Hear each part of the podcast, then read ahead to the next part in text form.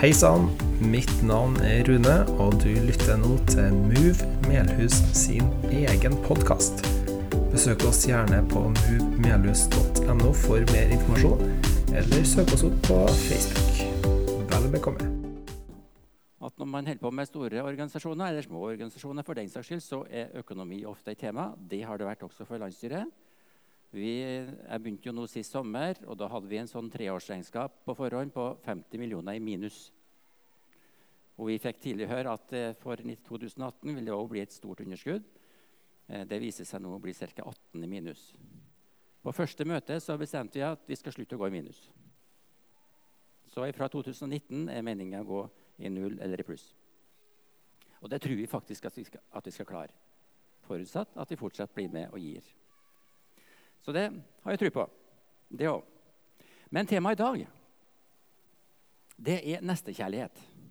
Og det er da tredje gangen vi har det temaet her i MOVE. Og det er den samme nestekjærligheten som det har vært snakka om to ganger før. Så derfor så vil dere nok kjenne dere igjen en del, håper jeg. Håper det. For eh, det er jo ikke forskjellig nestekjærlighet vi snakker om. Det er den samme. Så har jeg tenkt jeg er jo fra Nord-Trøndelag, egentlig. Slekter fra Verdalen, Stiklestad og greier. Det har dere hørt om, ikke sant? Det er snart 1000 år siden slaget på Stiklestad. Det blir sikkert feira med brask og bram, kjenner jeg nordtrønderne rett. Har det satt spor? Kristendommen til Norge i 1000 år har det satt spor i form av nestekjærlighet? Det burde ha gjort det. Det burde ha gjort det. Sjøl om slaget på Stiklestad ikke minner så veldig mye om nestekjærlighet. Det gjorde det jo ikke. Og jeg er ikke så helt sikker på at vi ville kjent oss igjen i den, i den kristendomsforståelsen som var den første tida etter 1030. Jeg er ikke sikker på at vi ville kjent oss helt igjen i den. Og faktisk ganske mange hundre år fremover. Kanskje først og fremst at vi ville kjent oss igjen fra Hans Nilsen Hauges tid for ca. 200 år siden og fram til nå. Og mye fremmed i starten da òg. Men da begynte eh, tror jeg, dagens kristendomsforståelse å, å, å, bre seg.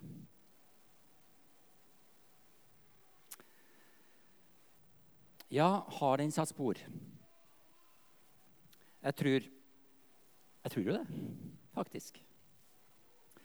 Skal vi se. Nå vet jeg, kjenner jeg ikke dere like godt alle sammen, så jeg vet ikke helt hvor dere Er det noen som arbeider i helsevesenet her for å se om helse og omsorg? Ja, det var noe han der, og ja, det er jo noen hender iallfall. Helse- og omsorgsvesenet i samfunnet vårt, hva er det, da?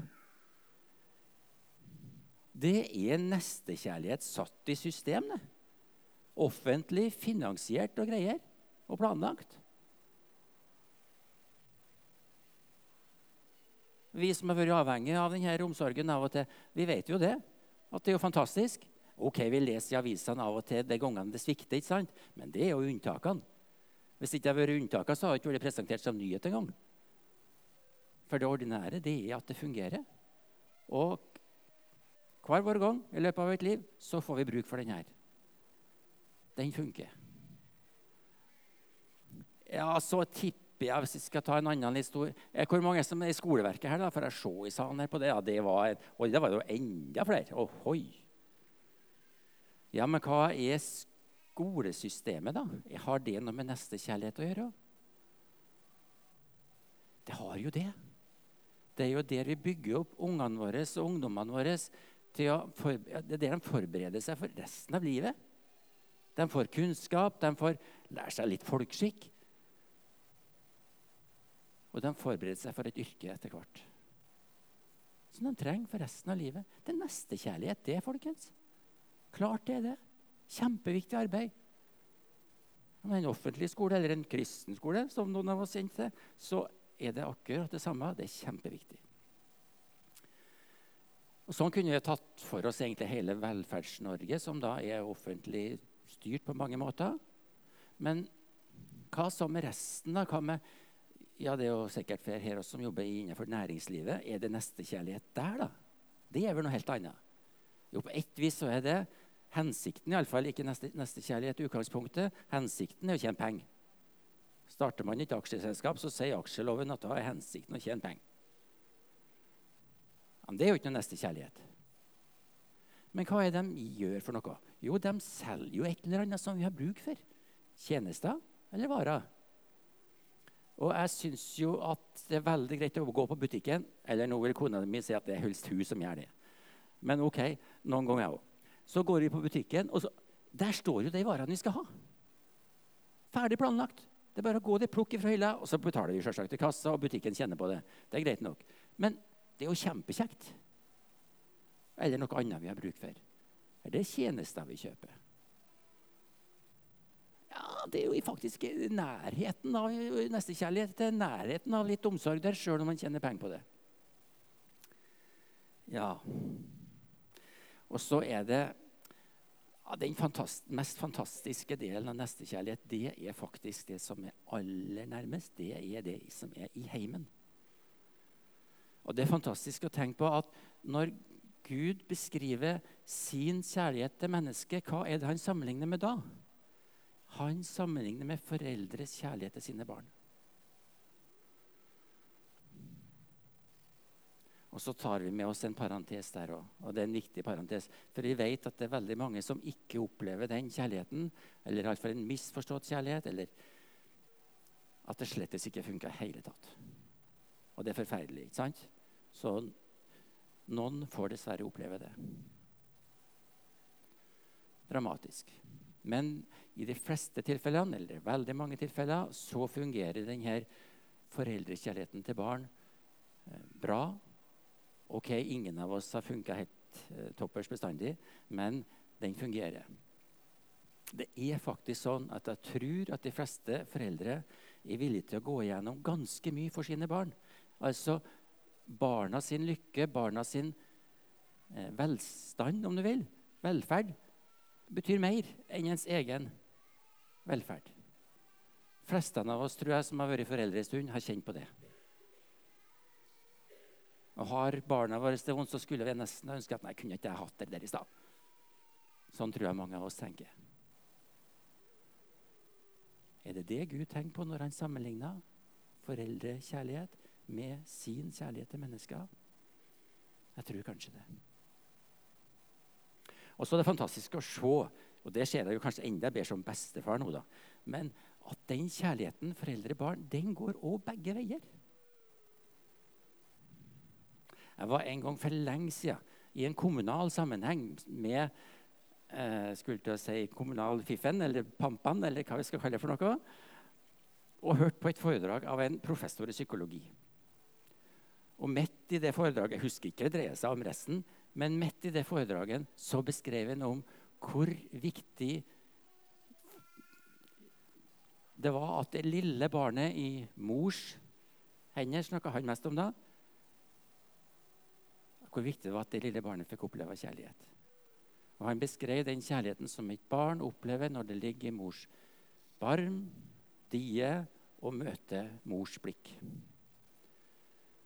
Og så kan jo vi fedre henge oss på litt. Om ikke, om det er ikke så mye diing, så kan vi nå iallfall møte blikket til våre barn.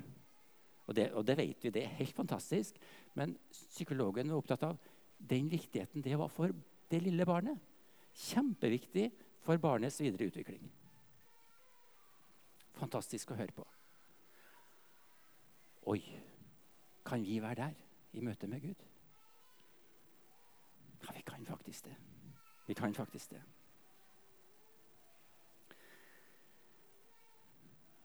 Og så vet vi at når barnet vokser til, så det, er det vel få som er, viser, sine medmen, viser medmennesker så stor tillit som barn gjør til sine foreldre. Både tillit og lojalitet. Sjøl når det ikke funker så bra, så er den tilliten og den lojaliteten kjempehøy.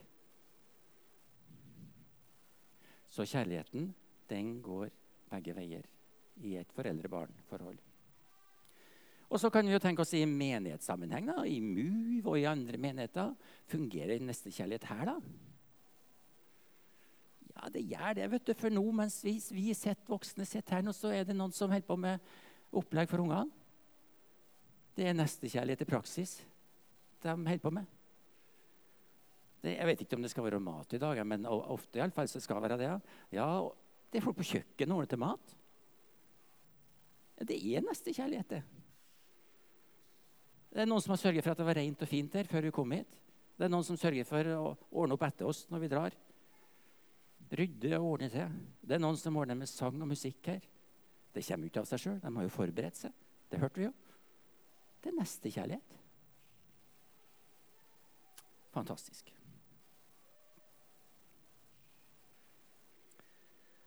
Ja, så det, det har skjedd litt. Det har hatt en virkning over 1000 år. Det hadde ikke vært sånn, ikke alltid iallfall, uten at kristendommen har fått fotfeste i landet vårt. Det er jeg helt sikker på. Men alt er jo ikke bare bra. Og det er mye å gå på. Både i heimene våre og i MUV og i samfunnet for øvrig. Så det er masse å gå på. Så det er, sånn sett så er det bare å stå på. Ok. Første litt repetisjoner. Som gammel lærer vet du, så er vi vant med, med repetisjon. Men først så hørte dere på Heidi. Hun snakka om Jesus som forbilde i nestekjærlighet. Og så snakka om at vi har ikke sjans. Og så snakka hun om at Gud ville hjelpe oss. Og så fikk ikke jeg være her når han fløy her, men jeg har hørt den på podkast. Og han snakka bl.a. om nestekjærligheten og at vi trenger å øve oss. Vi trenger å trene. Vi, han han snakka om nestekjærligheten oppimot fastetida og oppimot bønn, annet. Og så er det jo sånn at Fra Skriften så har vi ja, det, Når vi snakker om nestekjærlighet, så er det vanskelig å komme utenom det doble kjærlighetsbudet. Så det kan vi få opp på skjermen nå en gang til. Og Den versjonen her den er fra Lukas. Og Der står det Han svarte, du skal elske Herren din Gud av hele ditt hjerte og av hele din sjel og av all din kraft og av all din forstand, og de neste som deg selv. Hvem var det som sa det? Jo, sånn som det presenterte Lukas, så er det ikke lagt i Jesu munn. Men det var en kar, en lovkyndig, eller en skriftlærd, som vi sa før, som kom til Jesus og spurte hva skal jeg gjøre for å arve evig liv. Ja, hva står det i Skriften, sa Jesus. Hva leser du for noe? Og Da ser jeg for meg den lovkyndige stråle opp. Den skal jeg klare å svare på. Herre kan jeg. Herre er min hjemmebane. Jeg kan jo Skriften utenat. Og jeg vet hvordan det skal oppsummeres. Og sånn lød det. Ja, det er rett, det, sier Jesus. Bare lev sånn, du. Bare gjør det, så skal du leve. Da ser jeg for at maska kanskje ble litt mer alvorlig. Det står at han ville rettferdiggjøre seg sjøl og begynte å spørre. Jeg inntar den, tar den akademiske varianten og begynner å spørre ja, men hvem er nå egentlig den nesten der da, som det står om? Hvem er det? Og Så forteller Jesus historien om han karen som skulle gå fra Jerusalem til Jeriko. Jeg har glemt å sjekke hvor langt det er, men jeg tror det er en brukbar dagstur. Og så gikk det galt. Han ble overfalt, slått forderva, bortimot helseløs, fratatt klærne sine og det han måtte ha, og ble liggende i grøfta. Hjelpeløs. Og det er ikke noe stas å ligge hjelpeløs. Det har faktisk jeg prøvd en gang. Ikke på den måten der, men jeg har falt om en gang oppi marka her. Ikke noe artig. Da er vi helt avhengig av hjelp. Så kommer da en prest og gikk. Jeg ser for meg at han gikk en liten omvei sånn, og kikka en annen vei og leste som han ikke så en. Han tenkte kanskje på preka si. Han skulle kanskje en annen plass å preke. Kanskje han skulle snakke om nestekjærlighet. For alt jeg vet. Men han gikk forbi. Og Så kom det en levitt, står det, en eh, som jobba i tempelet. Vet ikke hva vi skal sammenligne med. En kirketjener, klokker, diakon, et eller annet. Kom han. Vi gikk rett forbi. Jeg vet ikke hvordan han tenkte. Kanskje tenkte nei, jeg kan ikke bli blodete og skitete nå. Og jeg har ikke tid heller. Jeg skal gjøre noe annet her. Jeg bare går rett fram. Og Så kom den tredje, han som var fra Samaria. Som, han som var samaritan, kalte de det da. Som da ikke var veldig verdsatt i Israel. De levde litt annerledes, trodde litt annerledes. Han stoppa. Tok seg av ham, stelte sårene hans. Det vil si, han ytte førstehjelp. Så tok han, seg opp, tok den med seg på eselet sitt, ambulansetjenesten. Frakta han til et vertshus og sa til han som var ansvarlig for vertshuset ta, Stell godt med karen her. Du, få, du får noen penger her nå. Stell godt med den. Og blir det for lite penger, så, så må du bare gi, fortsette å stelle. Jeg skal komme innom og betale. Det var sykehusfinansieringa.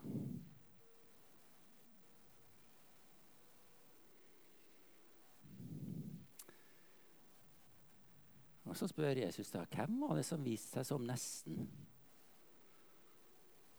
Jo, så sier han lovkyndig, jo, det var jo han som viste barmhjertighet. Ja, sa Jesus, gjør det likeens, du. Så skal du leve. Gjør det. Så står det ikke noe mer om den lovkyndige. Han har iallfall fått noe å tenke på. Og det har vi òg. Han har fått noe å tenke på når han gikk derifra. Jeg tar opp et bilde der nå. Det har eh, henta tre bilder fra noen misjonsblad. Dette er fra Misjonstidene, som Misjonsselskapet gir ut. Der er det en ung dame på, som nå kom bort. På, hun er faktisk 80 eh, år. Det ser ikke sånn ut på det bildet der. Eh, det var noe annet bilde lenger inn, men det viste seg at håret var litt grått og, og det var skrukka i ansiktet. Så hun er faktisk 80 eh, år, ja. Hun, og Der står det 'Elsk din nabo som deg sjøl', står det på nynorsk. Hun var buddhist, vokste opp i et buddhistisk miljø. Det var én kristen i nærområdet hennes, og møtet med den personen gjorde at hun også ble en kristen. Men hun fortsatte å leve i det buddhistiske miljøet. Hun levde eh, ved å leve sånn som det står. Elske naboen som seg sjøl. Hun deltok i det som skjedde i bygda, eller i området der. Hun deltok, Det var buddhistiske fester, altså deltok hun. Ikke i den religiøse delen av feiringa, men hun deltok på dugnad. Og gjorde det trivelig og fint for dem som var rundt seg. Og viste også nestekjærlighet i forhold til sin familie.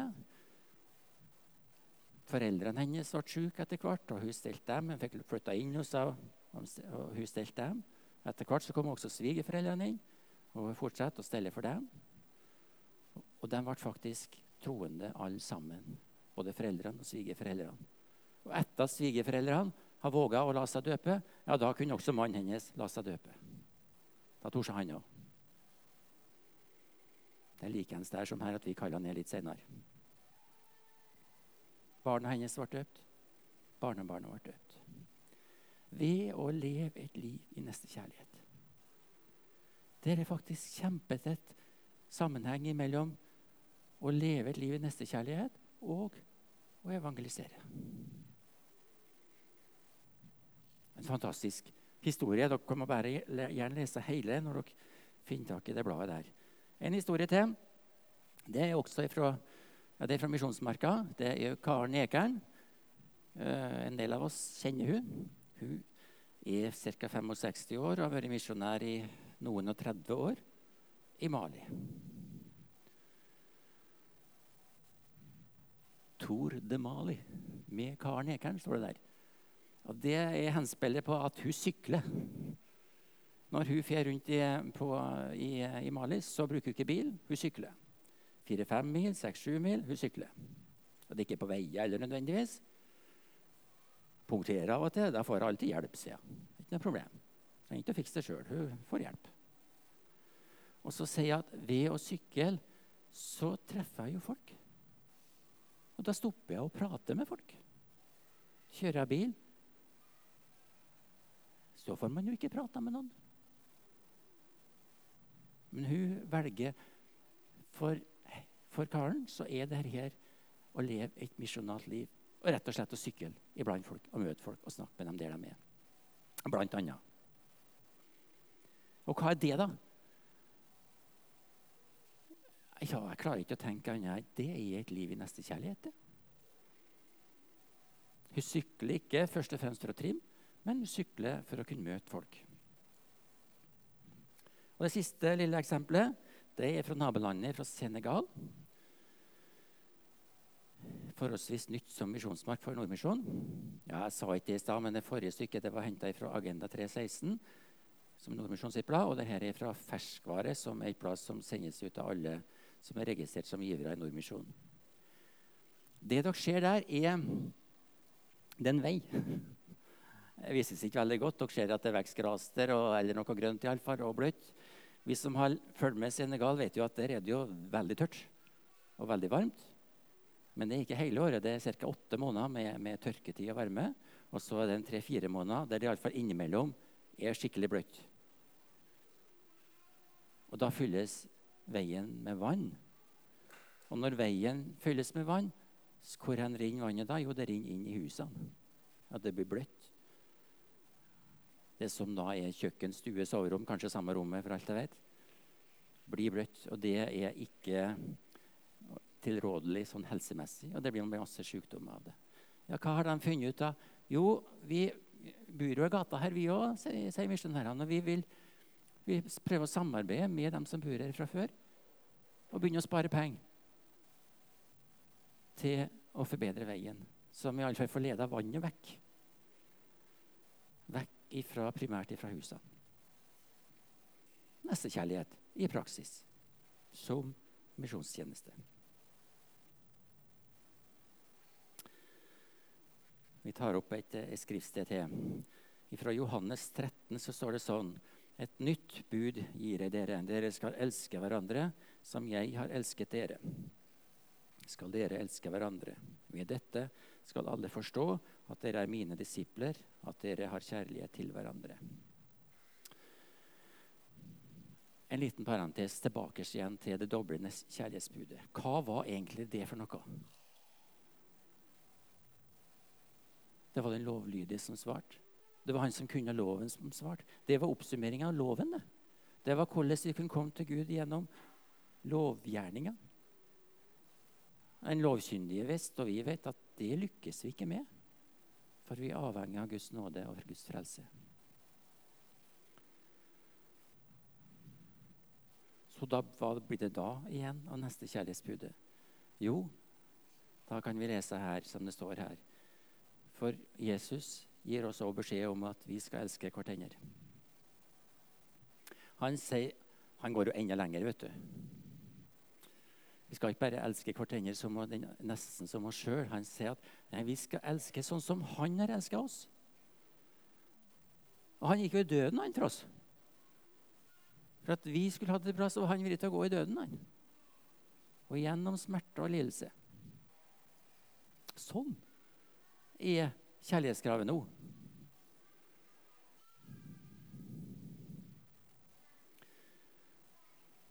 Og det gjelder til alle, tror jeg, sånn som det står her. Men ikke minst så gjelder det at vi skal elske hverandre. På den måten så står det at skal, folk skal forstå at vi er hans disipler. Ikke minst gjelder kjærligheten oss imellom som kristne.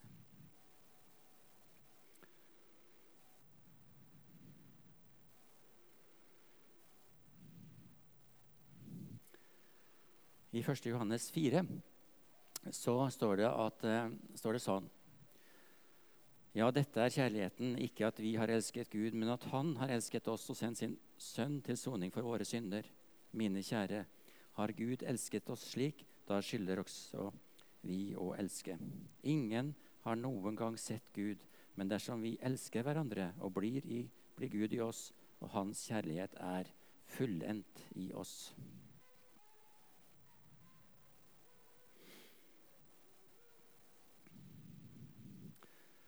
Utgangspunktet er ikke at vi presterer kjærlighet, verken overfor andre eller overfor Gud. Utgangspunktet det er at Gud elsker oss. Se gjerne for dere bildet med mor og barn, eller far og barn. Det lille barnet som før, lenge før det kan snakke, opplever og forstår foreldrene sin kjærlighet lenge før det er i stand til å vise kjærlighet, iallfall i forhold til eh, kjærlighetsgjerninga. Så viser vi barnet kjærlighet. Lenge før vi er i stand til å vise noe kjærlighet til andre, så viser Gud kjærlighet til oss. Det er Han som har elska oss først.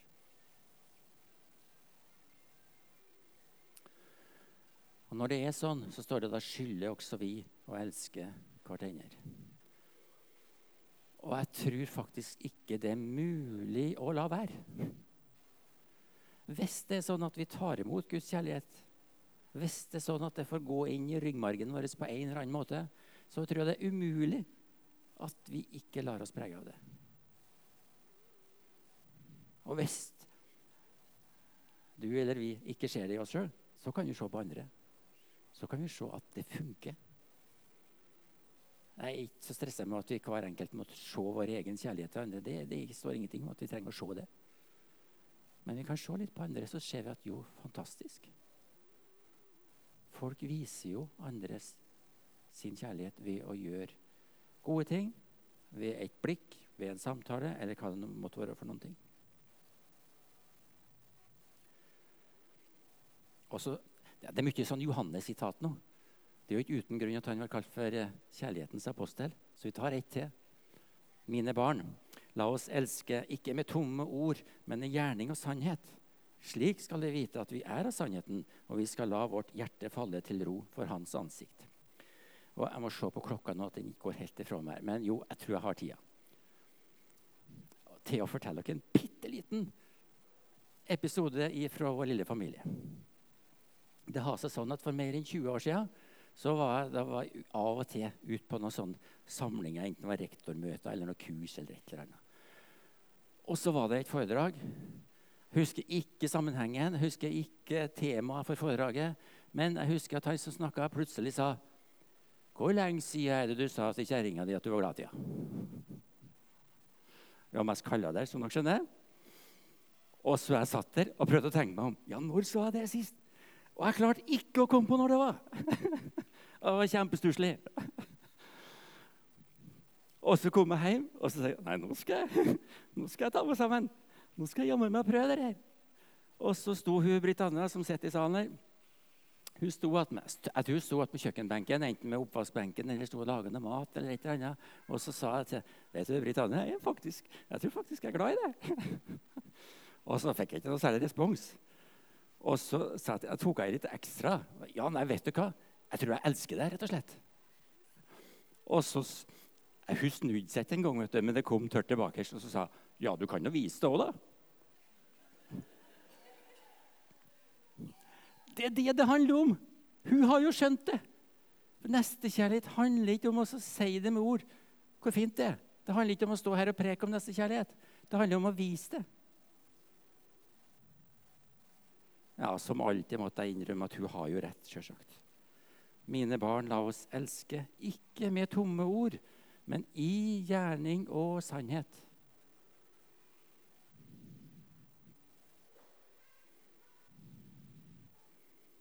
Og så står det faktisk at da skal hjertet falle til ro for hans ansikt. Hvis vi klarer å leve etter det. Det er er fantastisk.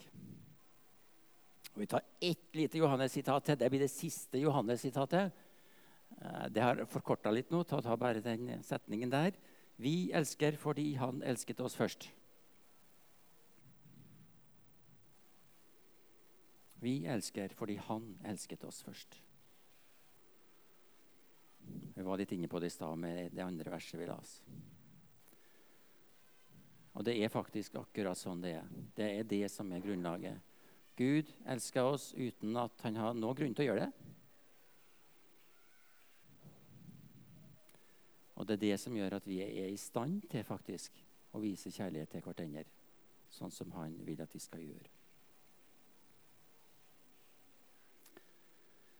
Og Det kan vi også lese i et annet vers som også har vært sitert før her i løpet av denne eh, temaserien, fra Galaterne 5. Men åndens frukt er kjærlighet, glede, fred, overbærenhet, vennlighet, godhet, trofasthet, ydmykhet og selvbeherskelse. Slike ting rammes ikke av loven. Det er altså åndens frukt. Det er ikke først og fremst et prestasjonskrav. Det er ikke det i det hele tatt. Men tar vi imot Jesu kjærlighet og velger å leve i den, ja, så gir den seg utslag på denne måten. På en eller annen måte og på en eller annen grad så gjør den det alltid. For det står at åndens frukt er kjærlighet. Har vi tatt imot Den hellige ånd, har vi tatt imot Guds kjærlighet, ja, så vil det være frukt. Enten vi sjøl ser det eller ikke. Det er frukt. Og den er bl.a. kjærlighet. Og det meste som står der, kan vi vel egentlig legge inn i neste kjærlighet. Så selv om nestekjærlighet kanskje var opprinnelig en, en del av oppsummeringa av lovens krav, så kommer det noe mer som, kommer det noe som en frukt av at vi har Guds hellige ånd. Og så er det likevel lov å trene. Det er likevel lov å trene. Det er Ja. Skal ikke si så mye mer nå. Men det er faktisk sånn. Det er en slags dualisme eller hva du vil, i Guds ord.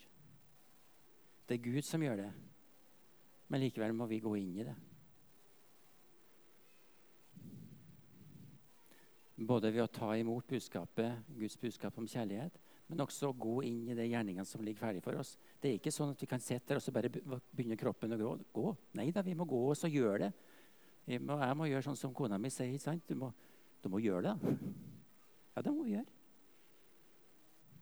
Så vi slipper ikke unna det. Men da får vi òg kjenne gleden ved det. Åndens frukt er kjærlighet, glede, fred osv.